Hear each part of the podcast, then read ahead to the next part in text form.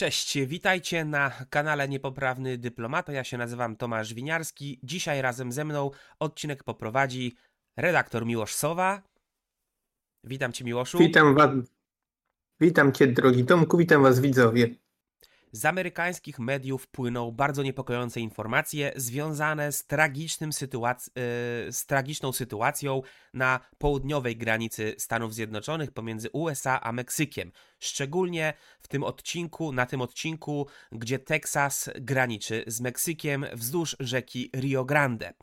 Obecnie e, mamy tam najpoważniejszy kryzys migracyjny od lat absolutnie administracja Joe Bidena jest w Ameryce oskarżana o zawalenie całej polityki migracyjnej, dobrej polityki migracyjnej zdaniem republikanów, którą odziedziczyła po republikańskiej administracji Donalda Trumpa. Chociaż e, Alejandro Mayorkas, e, sekretarz Departamentu Bezpieczeństwa Krajowego, już wcześniej twierdził, że amerykańska administracja federalna zdaje egzamin, republikanie w kongresie podkreślali, że słowa słowami, a liczby nie kłamią. E, I jeżeli mowa o liczbach, to e, pozwolę sobie zaraz Wam przedstawić faktyczne dane, które naprawdę są zatrważające. Na kanwie e, nieszczelnej amerykańskiej granicy, sporu o bezpieczeństwo migracyjne w Stanach Zjednoczonych, doszło do sporu, i to będzie kolejny temat, który poruszymy w tym odcinku, sporu pomiędzy stanowymi władzami Teksasu, szczególnie gubernatorem Gregiem Abbotem oraz, e, e, oraz prokuratorem generalnym Paxtonem. Kenem Paxtonem, e, a administracją federalną Białego Domu, administracją Joe Bidena. Mam kapelusz kowbojski na głowie nie tylko dlatego, że Teksas jest bliski memu sercu, ale też dlatego, że Teksas będzie tutaj głównym bohaterem dzisiejszego odcinka, do którego niniejszym Was serdecznie zapraszam.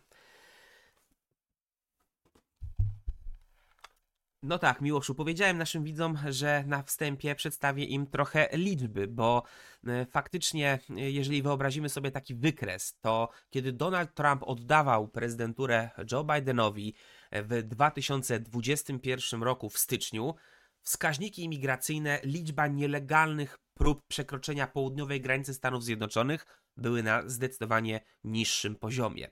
W roku fiskalnym 2023 te nielegalne próby przekroczenia granicy amerykańsko-meksykańskiej to było około 2 miliony takich nielegalnych prób. Senator republikański z Teksasu, Ted Cruz, mówił ostatnio na antenie jednej z amerykańskich telewizji, że odkąd Joe Biden objął urząd prezydenta Stanów Zjednoczonych, liczba y, imigrantów, którzy nielegalnie próbowali przedostać się do Ameryki, to prawie 10 milionów. Tylko w grudniu zeszłego roku, a więc no nieco ponad 30 dni temu, Liczba nielegalnych imigrantów próbujących przedostać się do Ameryki przez południe to było około 300 tysięcy. Wcześniejsze miesiące to były liczby rzędu 130, 150 e, tysięcy. Mówimy o prawdziwym kataklizmie migracyjnym, e, o prawdziwej inwazji. No właśnie, co do tego doprowadziło? E, bo mamy w Stanach Zjednoczonych narrację republikańską, która jasno wskazuje, że to wina Joe Bidena i jego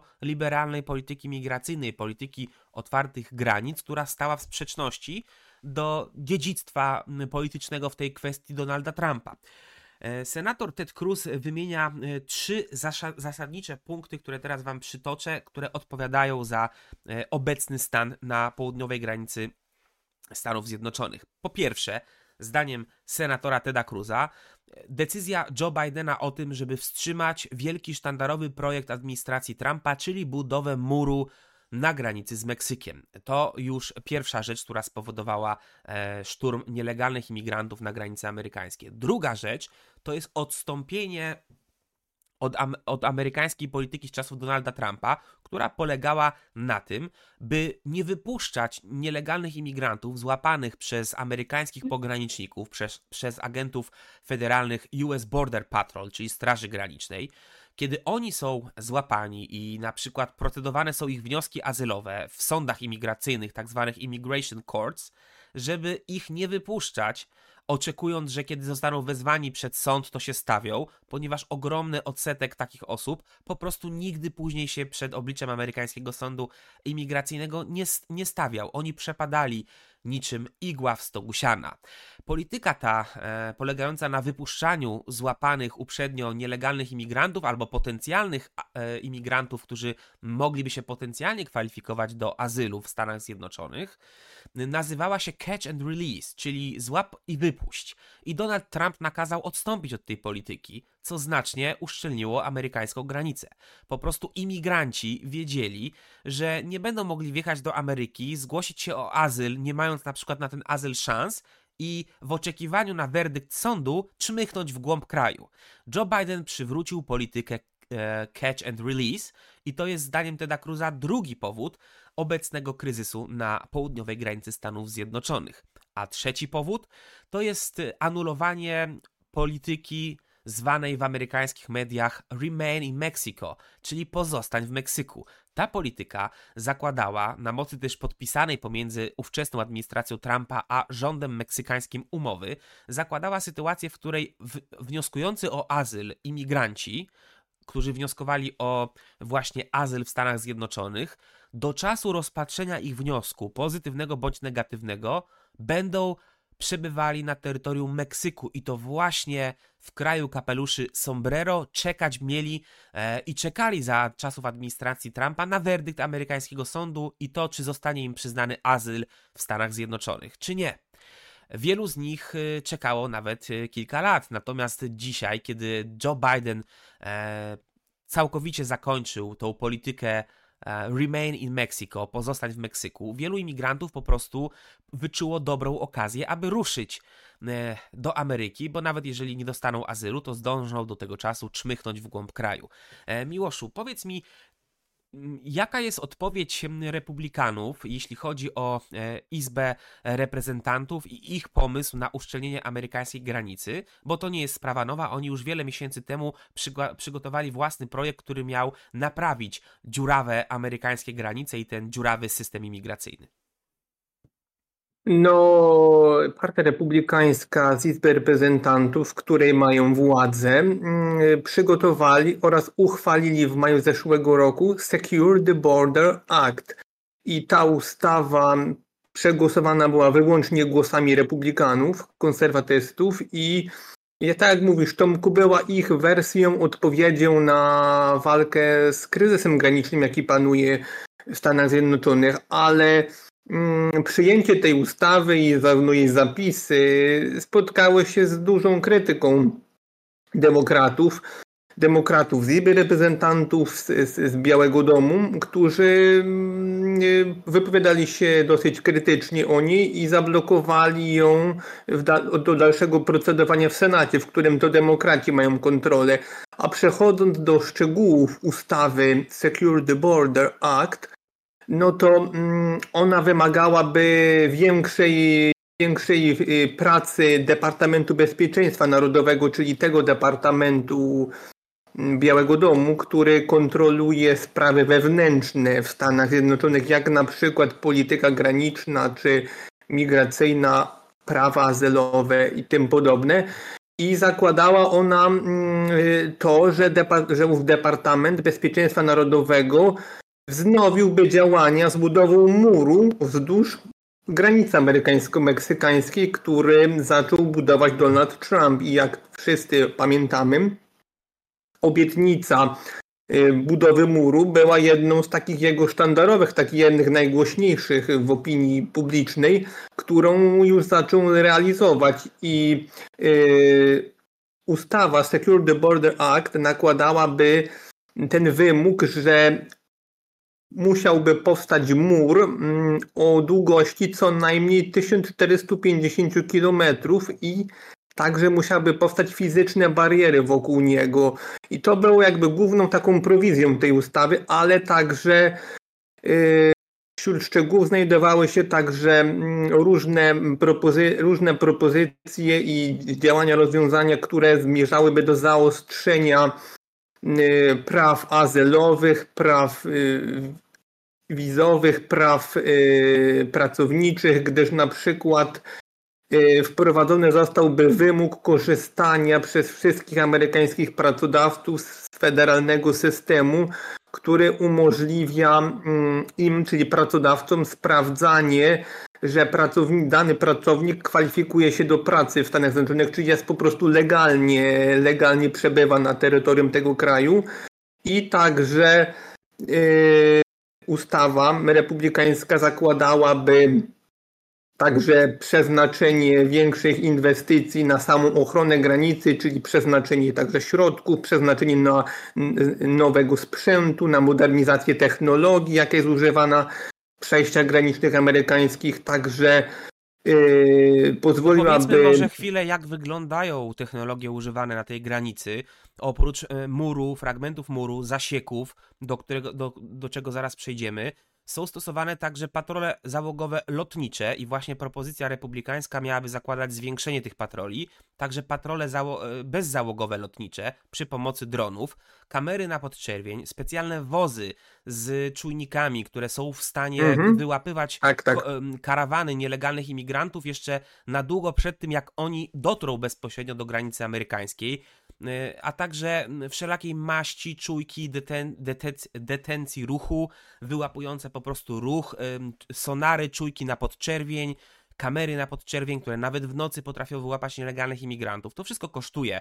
E, potrzeba także kolejnych zastępów agentów federalnych US Border Patrol, e, którzy będą po prostu tą granicę realnie patrolowali. Ale tutaj, z tego co wiem, Joe Biden jest generalnie zwolennikiem e, zabezpieczenia w kongresie większych środków na te cele. Więc tutaj jest pole do kompromisu.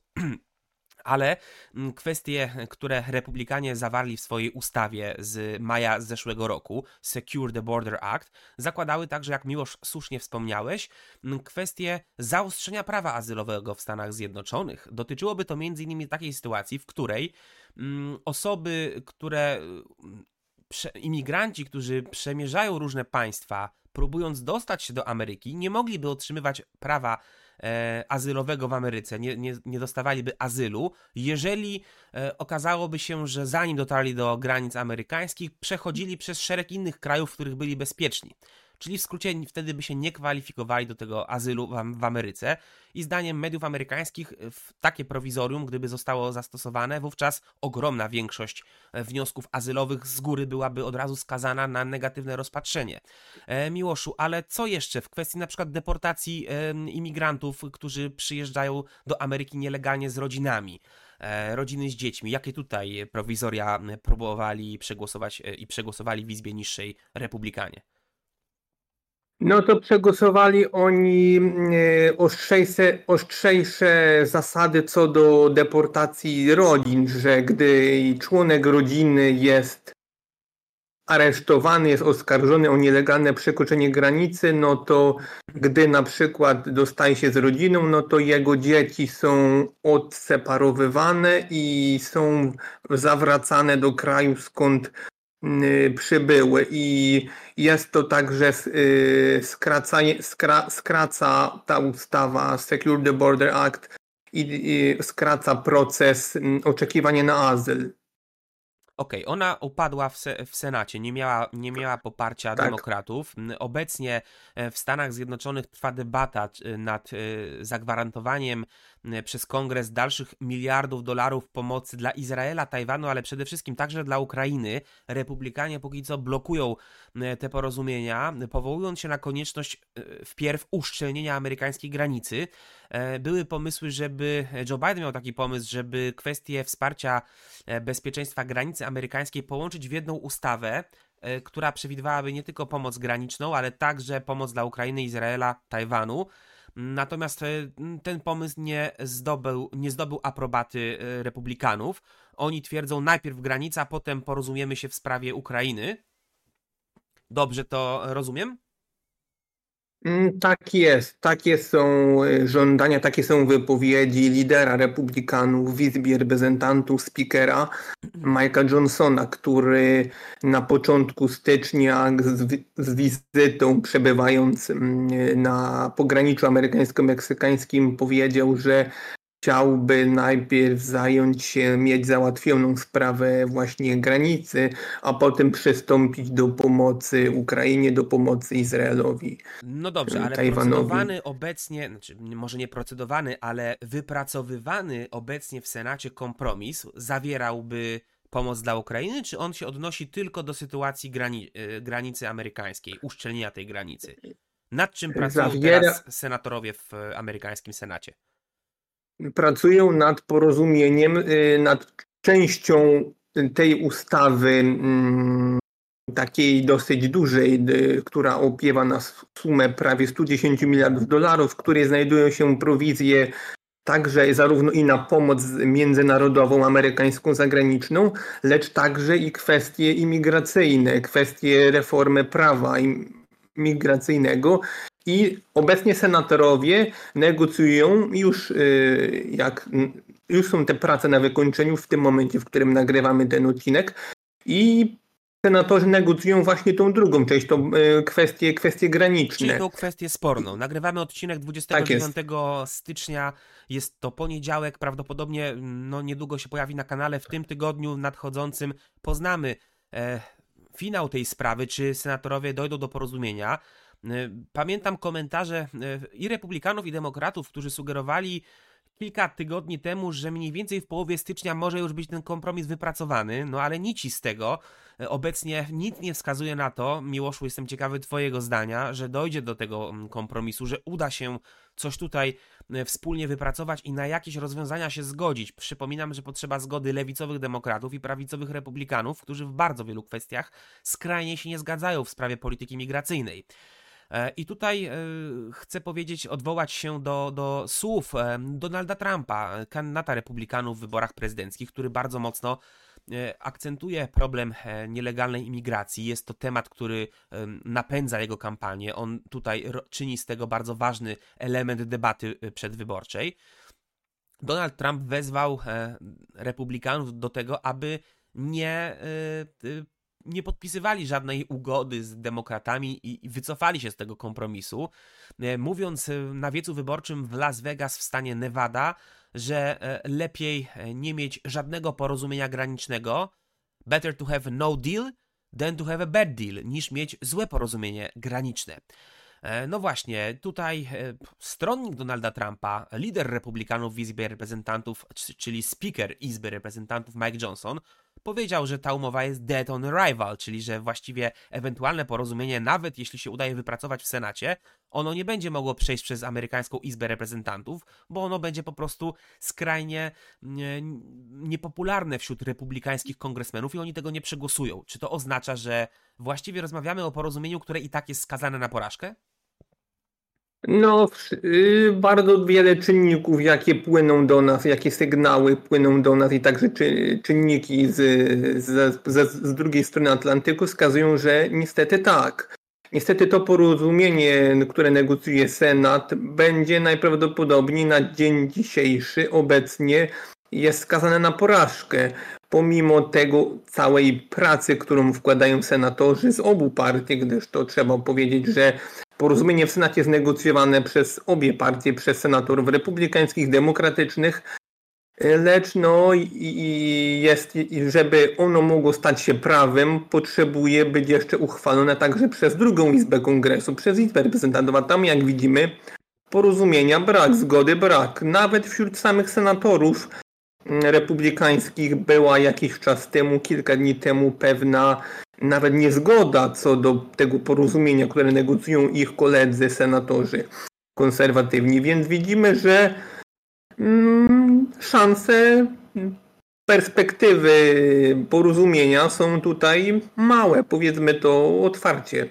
A zatem pod ogromnym znakiem zapytania stoją dwie kluczowe rzeczy w amerykańskiej polityce. Po pierwsze, przyszłość dalszej pomocy amerykańskiej dla Ukrainy. No trzeba będzie się tutaj porozumieć, bo jak powiedział chociażby Jake Sullivan, a Ukraina potrzebuje desperacko amerykańskich dolarów, tej pomocy przede wszystkim wojskowej. A jeżeli się nie dogadają w sprawie granicy na Kapitolu e, w Stanach Zjednoczonych, wówczas o tą pomoc będzie ciężko i trzeba będzie szukać innych środków nacisku tutaj wzajemnych, międzypartyjnych jakichś nacisków, aby no jakąś formę porozumienia wypracować chociażby tych pieniędzy dla Izraela i Ukrainy no to, to jest tutaj du, duży, duża niewiadoma. Kolejną niewiadomą jest to, czy na kanwie braku porozumienia granicznego E, nie dojdzie do jakichś sporów związanych z ustawą budżetową.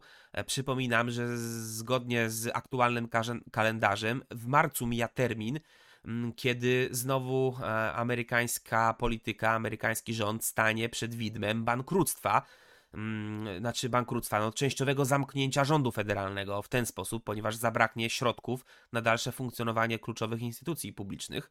No i pytanie, czy republikanie dogadają się z demokratami w sprawie e, ustawy budżetowej, mówiąc wprost. Na razie obowiązuje prowizorium budżetowe, po prostu okres przedłużenia tego finansowania rządu e, federalnego, ale w marcu ten okres, ten deadline mija i trzeba będzie przyjąć właściwą ustawę budżetową, już taką e, prawilną na cały rok budżetowy pozostały, prawda?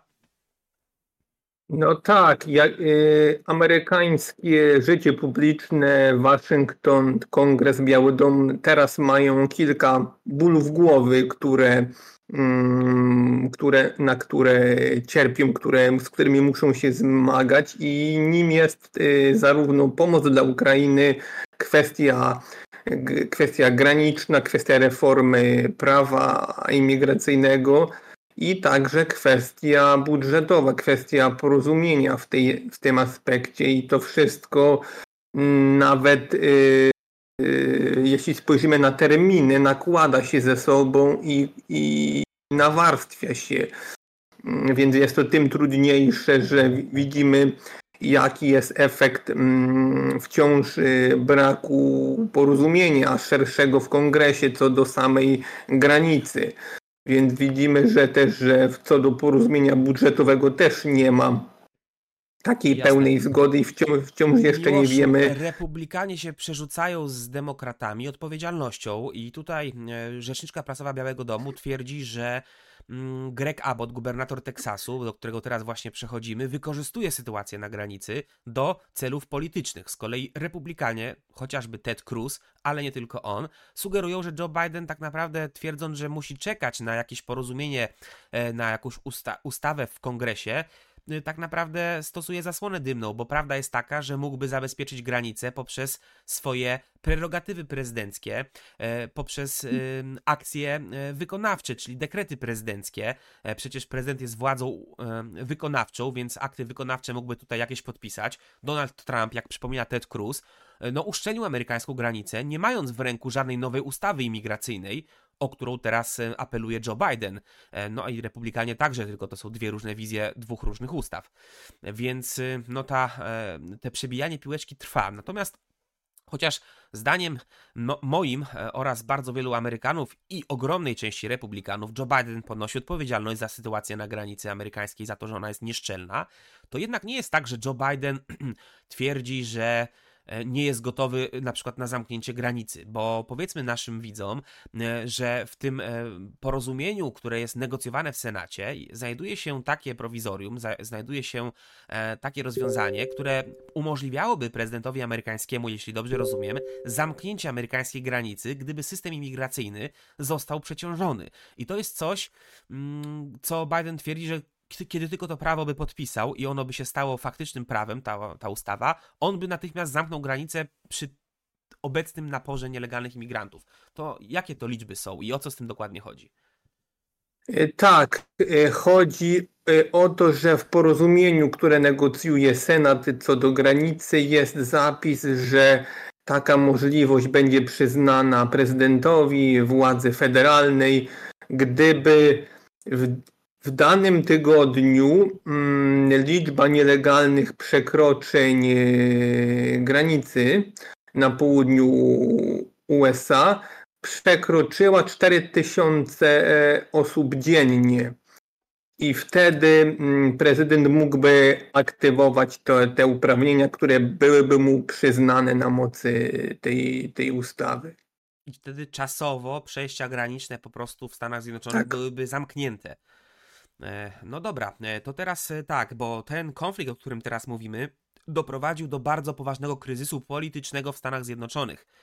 Tym razem między władzami stanowymi, władzami Teksasu, ale także wielu innych stanów republikańskich, a federalną administracją Joe e, Bidena. E, I e, o co chodzi? No, sytuacja kryzysowa na granicy w Teksasie, pomiędzy Teksasem a Meksykiem, spowodowała to, że już w zeszłym roku gubernator tego stanu Greg Abbott powołał się na sytuację inwazji, w której nazwał tą sytuację no, wprost inwazją nielegalnych imigrantów na Teksas i bezpieczeństwo Teksasu, jego zdaniem, zostało zagrożone. Jednocześnie z amerykańskiej konstytucji e, wysnuł e, następującą e, no, sytuację prawną, że jeżeli stan, no to gwarantuje amerykańska konstytucja, że jeżeli poszczególny stan jest napadnięty, to rząd federalny musi mu zapewnić ochronę. Jeżeli rząd federalny z jakiegokolwiek powodu nie jest w stanie tej ochrony zapewnić, zgodnie z amerykańską konstytucją, stan ma prawo bronić się sam. Czy to jest dokładnie to, na co powołuje się teraz e, gubernator Teksasu? No tak, właśnie e, na te przepisy, na tą interpretację Konstytucji USA powołuje się pan Abbott e, i, z tych, e, i te argumenty służą mu jako poparcie dla wysiłków podejmowanych przez stan Teksas w sprawie walki o bezpieczeństwo graniczne, a Teksas, jak wiemy, z geografii jest stanem granicznym.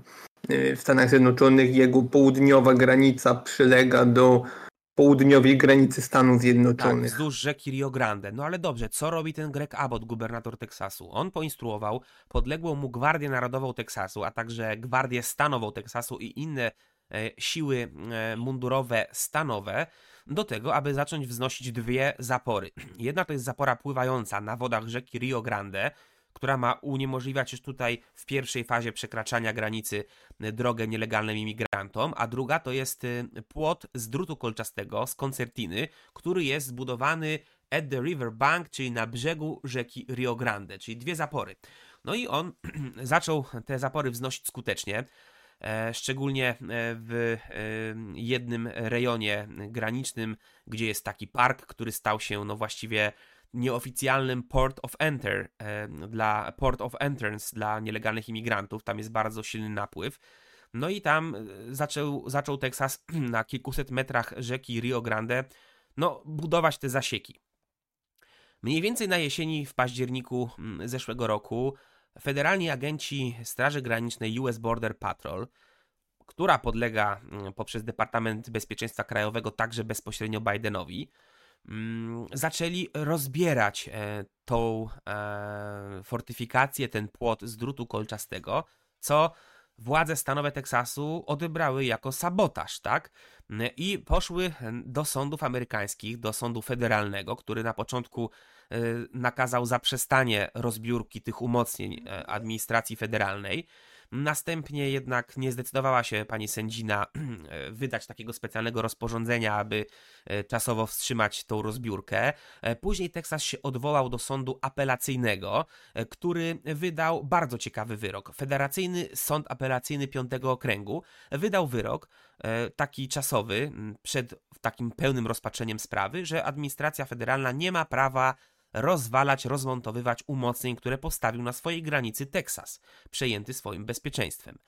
E, ale sędzia podkreślił, chyba że wymaga tego sytuacja nadzwyczajna związana z ratowaniem życia. Na przykład ktoś tonie w wodach rzeki Rio Grande, albo jest jakaś inna e, sytuacja zagrożenia życia, wówczas agenci federalni dostali prawo, żeby przecinać ten płot, ale tylko wtedy.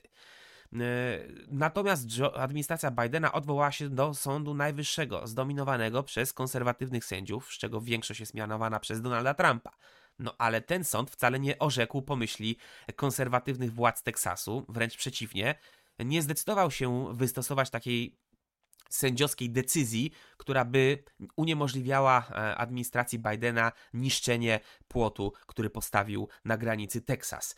Sprawa obecnie czeka na e, finał sądowy, bo ta sprawa jest rozpatrywana teraz przez sądy federalne niższej instancji. Natomiast do czasu wyroku e, administracja Grega Abota chciała uzyskać taki specjalny halt taki wyrok sądu, taki rozkaz sądu, aby do czasu prawomocnego wyroku w tej sprawie administracja prezydenta miała nakaz wstrzymać się z wszelkimi działaniami zmierzającymi do usuwania tej zapory. No więc obecnie stan prawny jest taki, że Teksas nie ma zabronione, zabronionego budowania zapory, ale władza federalna nie ma zabronionego jego, jej e, e, prac zmierzających do rozmontowania tej zapory. Czyli jedni budują, a drudzy mogą to niszczyć. Chociaż e, Straż Graniczna e, chyba w zeszły piątek e, no, zapowiedziała, że nie ma w planach na razie żadnych akcji zmierzających do rozmontowywania tej zapory z drutu kolczastego.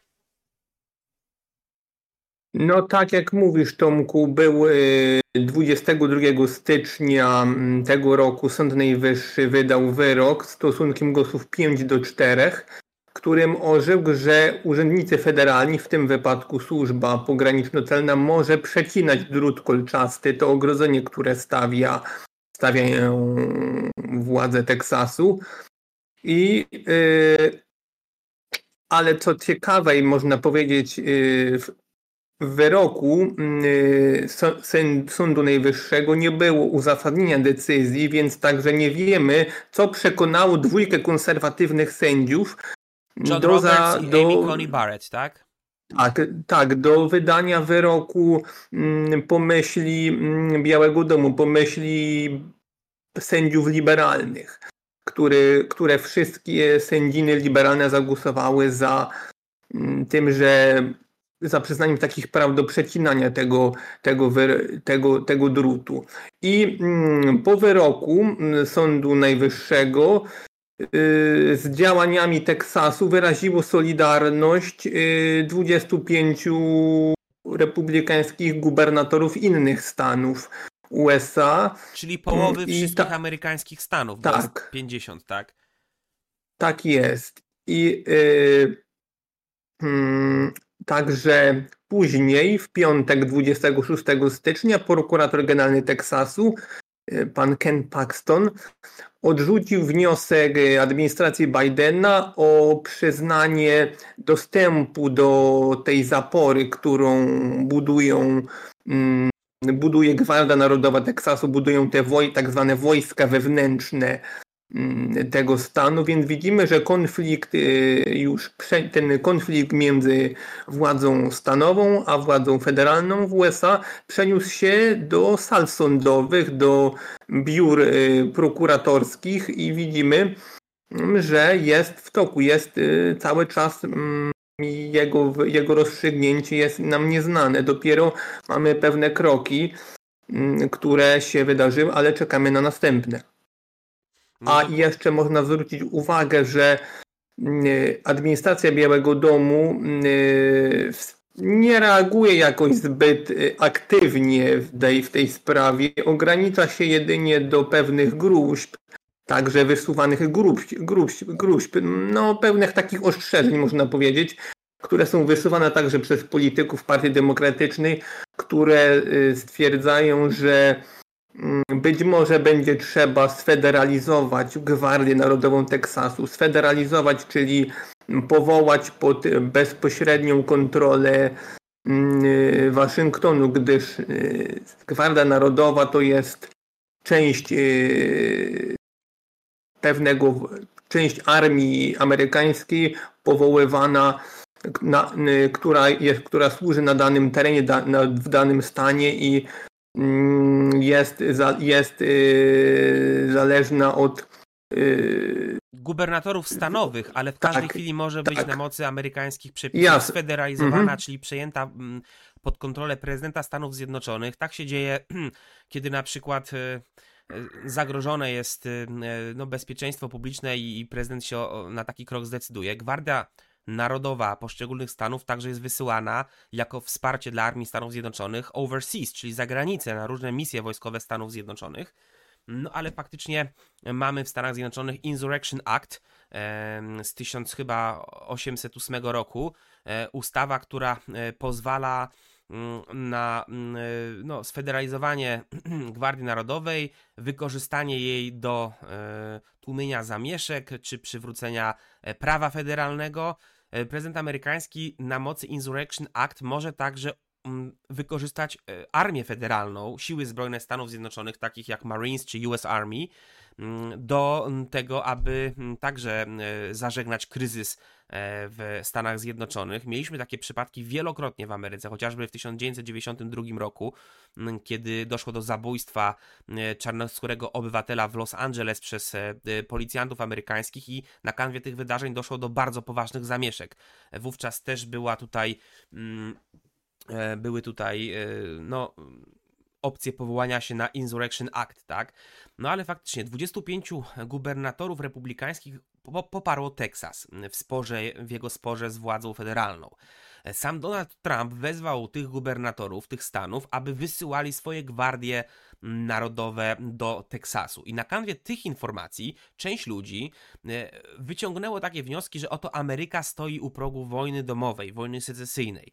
E, pojawiło się masa fake newsów w, mediach społecznościowych, filmiki przedstawiające jakieś czołgi transportowane koleją amerykańską do Teksasu, które miały być rzekomo wykorzystane przez Teksas albo do obrony granic, albo może, jak niektórzy sugerowali, w ramach jakiegoś potencjalnego konfliktu z rządem federalnym. Tutaj chciałbym wszystkich ostrzec, że tego typu retoryka to jest propaganda obliczona tylko na to, aby przyciągnąć waszą uwagę e, fake newsem, po prostu, który jest podlany małym ździebełkiem prawdy.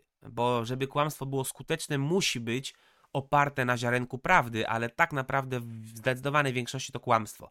Prawda polega na czym? Otóż faktycznie do Teksasu trafiło kilkadziesiąt czołgów M1 Abrams, kilkadziesiąt Bradleyów, wozów opancerzonych piechoty, no ale to jest operacja transportowa koleją amerykańską, dokonana przez żołnierzy Gwardii Narodowej stanu Kansas, ale nie po to, żeby wzmocnić Teksas w jakimś konflikcie z władzą federalną, albo żeby wzmocnić granice Teksasu, a po to, że w jednym z wojskowych fortów w Teksasie odbywały się szko- i odbywają się nadal szkolenia wojsk amerykańskich przed ich wysłaniem na Bliski Wschód w ramach operacji Spartan Shield e, prowadzonej przez US Central Command. E, więc to nie ma nic wspólnego z sytuacją w Teksasie, więc tego typu obrazki, narracje to jest wszystko propaganda. Natomiast faktycznie, e, no, mamy w, w Teksasie już żołnierzy Gwardii Narodowej, którzy tam trafili z innych stanów, ale wcześniej, na przykład w czerwcu zeszłego roku, chyba 14 stanów republikańskich wysłało mniejsze lub większe oddziały swoich gwardzistów. Mowa o 250, 150, to, to były różne stany, między innymi stan Missouri, Ohio, Floryda, mm, e, południowa Dakota, mm, no w sumie 14 stanów. Część z tych e, gwardzistów nadal po prostu w Teksasie pozostaje. Obecnie do Teksasu nie ciągną armię gwardzistów z innych stanów, jeszcze żadni tacy żołnierze nie przyjechali. Jedynie co, to no, jest wezwanie Trumpa, żeby e, takie wsparcie przekazać i to jest zgodne z prawem. Tego typu wsparcie, no jak powiedziałem, już się e, dokonywało chociażby w zeszłym roku. Mamy jednak stan Oklahoma, którego gubernator zapowiedział, że wyśle teraz na kanwie najnowszych wydarzeń w Teksasie swoją Gwardię Narodową do Teksasu, żeby wspomóc teksańskie wysiłki związane z uszczelnianiem granicy. Miłoszu.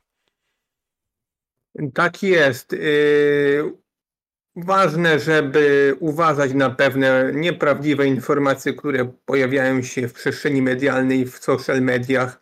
Y, nasz, y, nasza tutaj ekipa niepoprawnych dyplomatów walczy z tym i chce przekazać Wam jak najbardziej prawdziwy i rzetelny, uczciwy przekaz i obraz danej sytuacji. Więc w tym filmie przekazujemy Wam z redaktorem winiarskim, drodzy widzowie, maksymalnie sprawdzone i prawdziwe informacje, nie, ża nie żadne jakieś takie sensacyjne czy coś takiego.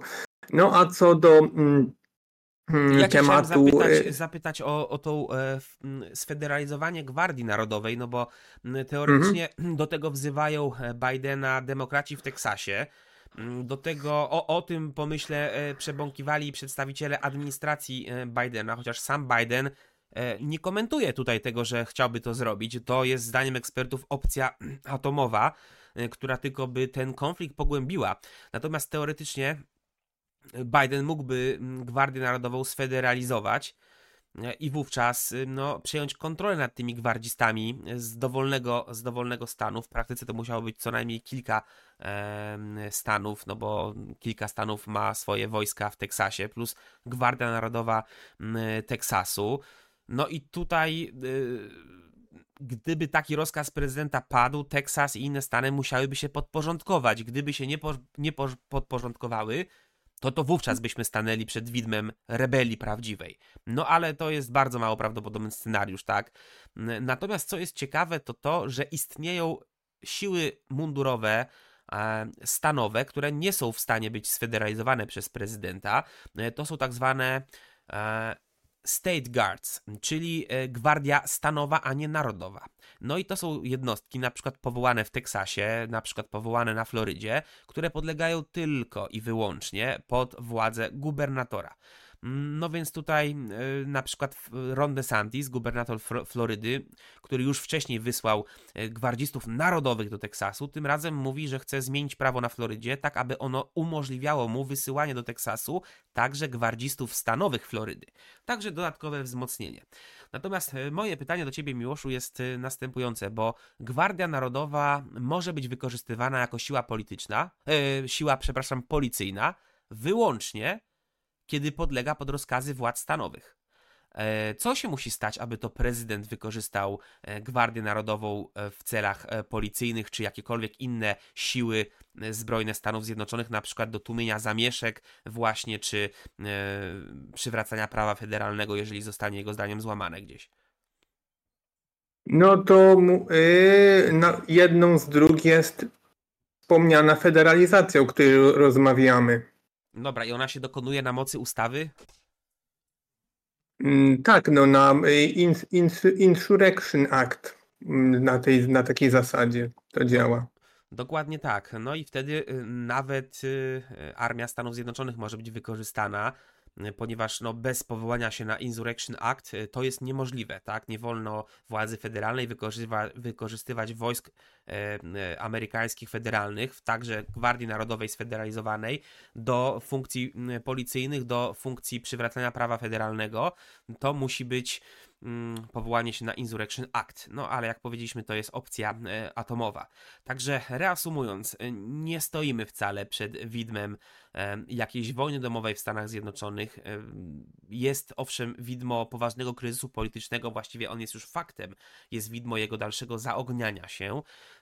Pytanie, dokąd nas to doprowadzi, czy uda się przy, przygłosować jakieś rozwiązania prawa imigracyjnego, tak aby faktycznie wreszcie uszczelnić tą nieszczelną granicę meksykańsko-amerykańską. No ale na tym, e, powiedzmy, pacie, na tym całym chaosie imigracyjnym, Zyskuje Donald Trump, jak powiedziałem, który mocno używa mm, e, tej retoryki odwołującej się do nieszczelnego systemu imigracyjnego w swojej kampanii wyborczej. Zyskują republikanie, a bardzo mocno traci Donald Trump. Amerykańscy wyborcy, pytani o to, jakie są najbardziej palące problemy amerykańskie, ponad 30%, 35% z nich, czy 38% twierdziło, że imigracja jest największym problemem e, Stanów Zjednoczonych i na tym traci Biden. Jeszcze na początku tego roku szedł web w web z Donaldem Trumpem w sondażach. Obecnie traci do niego 4,5 punktów procentowych mniej więcej na rzecz Trumpa. I dynamika obecna aktualnego sporu na granicy y, każe sugerować, że wraz z upływem czasu, jeżeli Bidenowi się nie uda zażegnać tego konfliktu granicznego i uszczelnić granicy, a nic na to nie wskazuje, to będzie Trump tylko jeszcze bardziej zyskiwał kosztem topniejącego poparcia Joe Bidena. Miłoszu, czy się z tym zgadzasz? Jak y, Twoim zdaniem to się przekłada na sytuację polityczną przed wyborami w Stanach Zjednoczonych oraz jakie inne e, opinie są wśród amerykańskiego społeczeństwa, jeżeli chodzi o politykę imigracyjną e, i tą całą sytuację e, na granicy w Teksasie? No yy, cóż, yy, tegoroczne wybory prezydenckie, które odbędą się na początku listopada, będą przebiegać pod y, hasłami bezpieczeństwa. Ja mówiłem to już, y, mówiłem to w, y, w jakiś czas na mm, swoich social mediach, mówię to w innych audycjach, że Amerykanie będą decydować nad kandydatem w listopadzie, który zapewni im to bezpieczeństwo szeroko pojęte. W tym wypadku mamy bezpieczeństwo wewnętrzne, bezpieczną granicę, y, imigracja, y, prawo azylowe, te tematy, które jak widzimy już teraz Amerykanie uważają za najważniejsze, najważniejszy taki problem, troskę, która trapi ich kraj. I na razie z badań opinii społecznej wynika, że to bezpieczeństwo zaoferuje w lepszy sposób Donald Trump. Widzimy, że on y, w trakcie trwania tego, tej dysputy prawnej, tego już bardziej takiego sformalizowanego kryzysu, pewnych, pewnych napięć, może nie tyle kryzysu, no napięć między Teksasem a Waszyngtonem, tylko zyskuje jego sondaże yy, w pojedynku z Joe Bidenem yy, się tylko polepszają. Przewaga nad obecnym prezydentem USA się zwiększa. Ja tylko A... powiem, że ciekawostką w kwestii tego, jak amerykańskie społeczeństwo zaczęło postrzegać Joe Bidena i jego e, upadłą politykę imigracyjną, dobrze to pokazują e, sondaże najnowsze, które pokazują, że już 32% demokratów liberalnego, lewicowego elektoratu w Ameryce zaczyna popierać budowę muru na granicy z, e, z Meksykiem, czyli sztandarowy, jak Miłosz powiedział, powiedział wcześniej, pro, program wyborczy Donalda Trumpa. 32% demokratów i to jest wzrost aż o, y, tutaj patrzę na ściągę, o 20 punktów procentowych względem grudnia 2017 roku, kiedy y, Donald Trump urzędował w Białym Domu dopiero rok. 20 ponad 20 y, punktów procentowych wzrosła e, liczba demokratów, którzy popierają budowę muru. Czy to nie jest najlepszy, najlepsza sugestia, że jednak demokraci także już są zmęczeni tym impasem administracji Bidena i że to naprawdę jest zwiastun poważnych wizerunkowych i politycznych tarapatów, no, walczącego o reelekcję Bidena? No, y, na razie mm, tak to wygląda.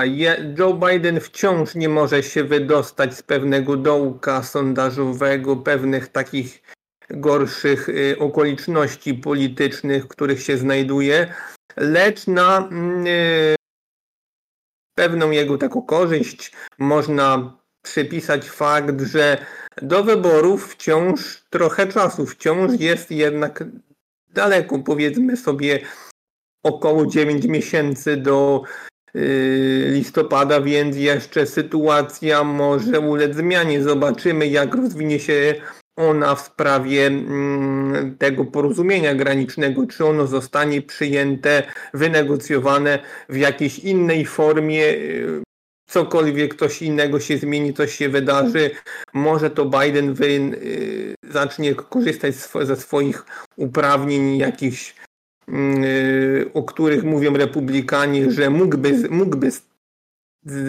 mógłby to zrobić, niekonieczna byłaby do tego ustawa, która by go uprawniała w różne takie, w różne takie przywileje, w których no, ma te dekrety prezydenckie chociażby, prawda? Ma dekrety prezydenckie, mm -hmm. mógłby zamiast sabotować wysiłki takich e, stanów jak Teksas, po prostu je wspierać e, wówczas nie byłoby konfliktu, tak? tak? Na to się powołują republikanie w Teksasie, tak? Że Biden mało, że im nie pomaga, to jeszcze ich kopie, kiedy oni próbują mm, cokolwiek e, w tej materii robić.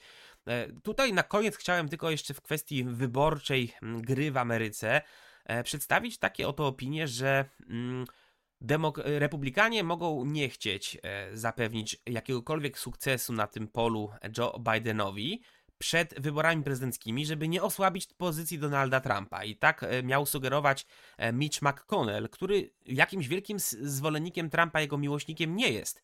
Jednak no, cały czas pozostaje w jednej partii i gra do jednej bramki z Donaldem Trumpem. I Miłoszu, było coś takiego, że on rozmawiał nieoficjalnie z senatorami republikańskimi, miał powiedzieć, że e, no, nie ma tutaj możliwości na, na, e, na to, aby dać Bidenowi zwycięstwo imigracyjne, które by e, miało osłabić mocno Donalda Trumpa. Sam Trump powiedział, żeby oni nie robili żadnej, żadnego porozumienia z demokratami w sprawie granicy, bo Trump się tym zajmie, kiedy e, przejmie urząd prezydenta. No tak, Tomku, mówiłem już we wcześniejszej części naszego podcastu, że nawet wśród y, senackich republikanów, którzy negocjują to porozumienie, części ich kolegów, no to druga część kolegów nie jest taka entuzjastycznie nastawiona do ich działań, do ich poczynań w sprawie wypracowania porozumienia yy, granicznego. I tutaj widzimy także, że to przenika do przewodniczących, do liderów konserwatystów w Senacie, jakim jest pan McConnell, który mm, jest liderem mniejszości, więc jest takim najważniejszym republikaninem w Senacie. I widzimy, że odbywa się także pewna gra, jest pewien rachunek korzyści i strat dokonywany, pewna kalkulacja mm, polityczna dokonywana przez właśnie McConnella, przez Trumpa i wynik tej kalkulacji wskazuje, żeby sprawę granicy odłożyć, żeby to porozumienie już w Senacie być może nawet zatopić po prostu zablokować. I... A z drugiej strony jest potrzeba pilnych działań, o czego nie ukrywa żadna tak z, ze stron sporu politycznego w Stanach Zjednoczonych. Po obu stronach barykady są tego świadomi, e, przynajmniej na e, poziomie deklaratywnym. Republikanie myślę, że byliby gotowi e, poprzeć tutaj porozumienie, gdyby Joe Biden bardzo mocno wycofał się ze swoich pozycji i poszedł na daleko idące ustępstwa wobec partii republikańskiej i na przykład obiecał wznowić budowę muru i parę innych rzeczy, które w swoim projekcie ustawy zawarli kongresmeni republikańscy w Izbie Reprezentantów w maju zeszłego roku. Wówczas to nie byłoby tyle co sukces Bidena, co raczej byłby to sukces partii republikańskiej, która będąc w opozycji, e, bo nie kontrolując Białego Domu, byłaby w stanie wymusić, wymusić na, wymóc na, e, na Bidenie konkretne e, działania polityczne po ich myśli. Także myślę, że gdyby on poszedł na bardzo daleko idące ustępstwa, no to oni by do czegoś, do jakiegoś porozumienia doszli. Pytanie, czy, czy Biden będzie gotowy na takie ustępstwa. Wiele wskazuje na to, że nie będzie gotowy, a z drugiej strony, że republikanie nie będą gotowi na ustępstwa wobec niego i na przykład nie zrezygnują z kluczowych, sztandarowych swoich pomysłów na rozwiązanie E, kryzysu granicznego. Ted Cruz twierdzi, że te miliony nielegalnych imigrantów, które pod e, nadzorem Joe Bidena wjeżdżają do Ameryki jak nóż w masło, to że to jest potencjalny w przyszłości elektorat Partii Demokratycznej i Joe Biden doskonale o tym wie, dlatego nie kwapi się tak mocno, aby tą sprawę rozwiązać. To jest zdanie e, Teda Cruza. Ja zostawiam Was e, teraz e, z tym e, zdaniem. Napiszcie w komentarzach, drodzy widzowie, jakie są Wasze opinie dotyczące kryzysu migracyjnego w Stanach Zjednoczonych. Czy spotkaliście się z propagandą, że oto Ameryka stoi w obliczu wojny domowej i czy ten podcast wyjaśnił Wam trochę, że sytuacja nie jest tak straszna, jak próbują to portretować niektórzy komentatorzy w mediach społecznościowych, tabloidyzując przekaz medialny do granic absurdu. Razem ze mną ten odcinek prowadził Miłosz Sowa, ja się nazywam Tomasz Winiarski. Dziękuję za Waszą obecność, a teraz jeszcze serdecznie Was proszę na końcu o subskrybowanie e, tego kanału. Jak widzicie, format Niepoprawny Dyplomata jest dalej taki sam, tyle że na nowym kanale i zbieramy nową armię subskrybentów, dlatego każda nowa subskrypcja jest naprawdę na wagę złota. E, każda Wasza aktywność w sekcji komentarzy również jesteśmy naprawdę ciekawi Waszych opinii. E, piszcie komentarze, bo my jesteśmy tymi youtuberami, którzy odpowiadają w miarę możliwości na wszystko, co piszecie w sekcji komentarzy. Dzięki, że byliście z nami. Niech Bóg błogosławi Amerykę, szczególnie kiedy są tak wewnętrzne, silne napięcia społeczne. No i do zobaczenia w kolejnych materiałach, które na kanale pojawią się już niebawem. Trzymajcie się, cześć. Do zobaczenia. Dobra, zatrzymaj nagrywanie.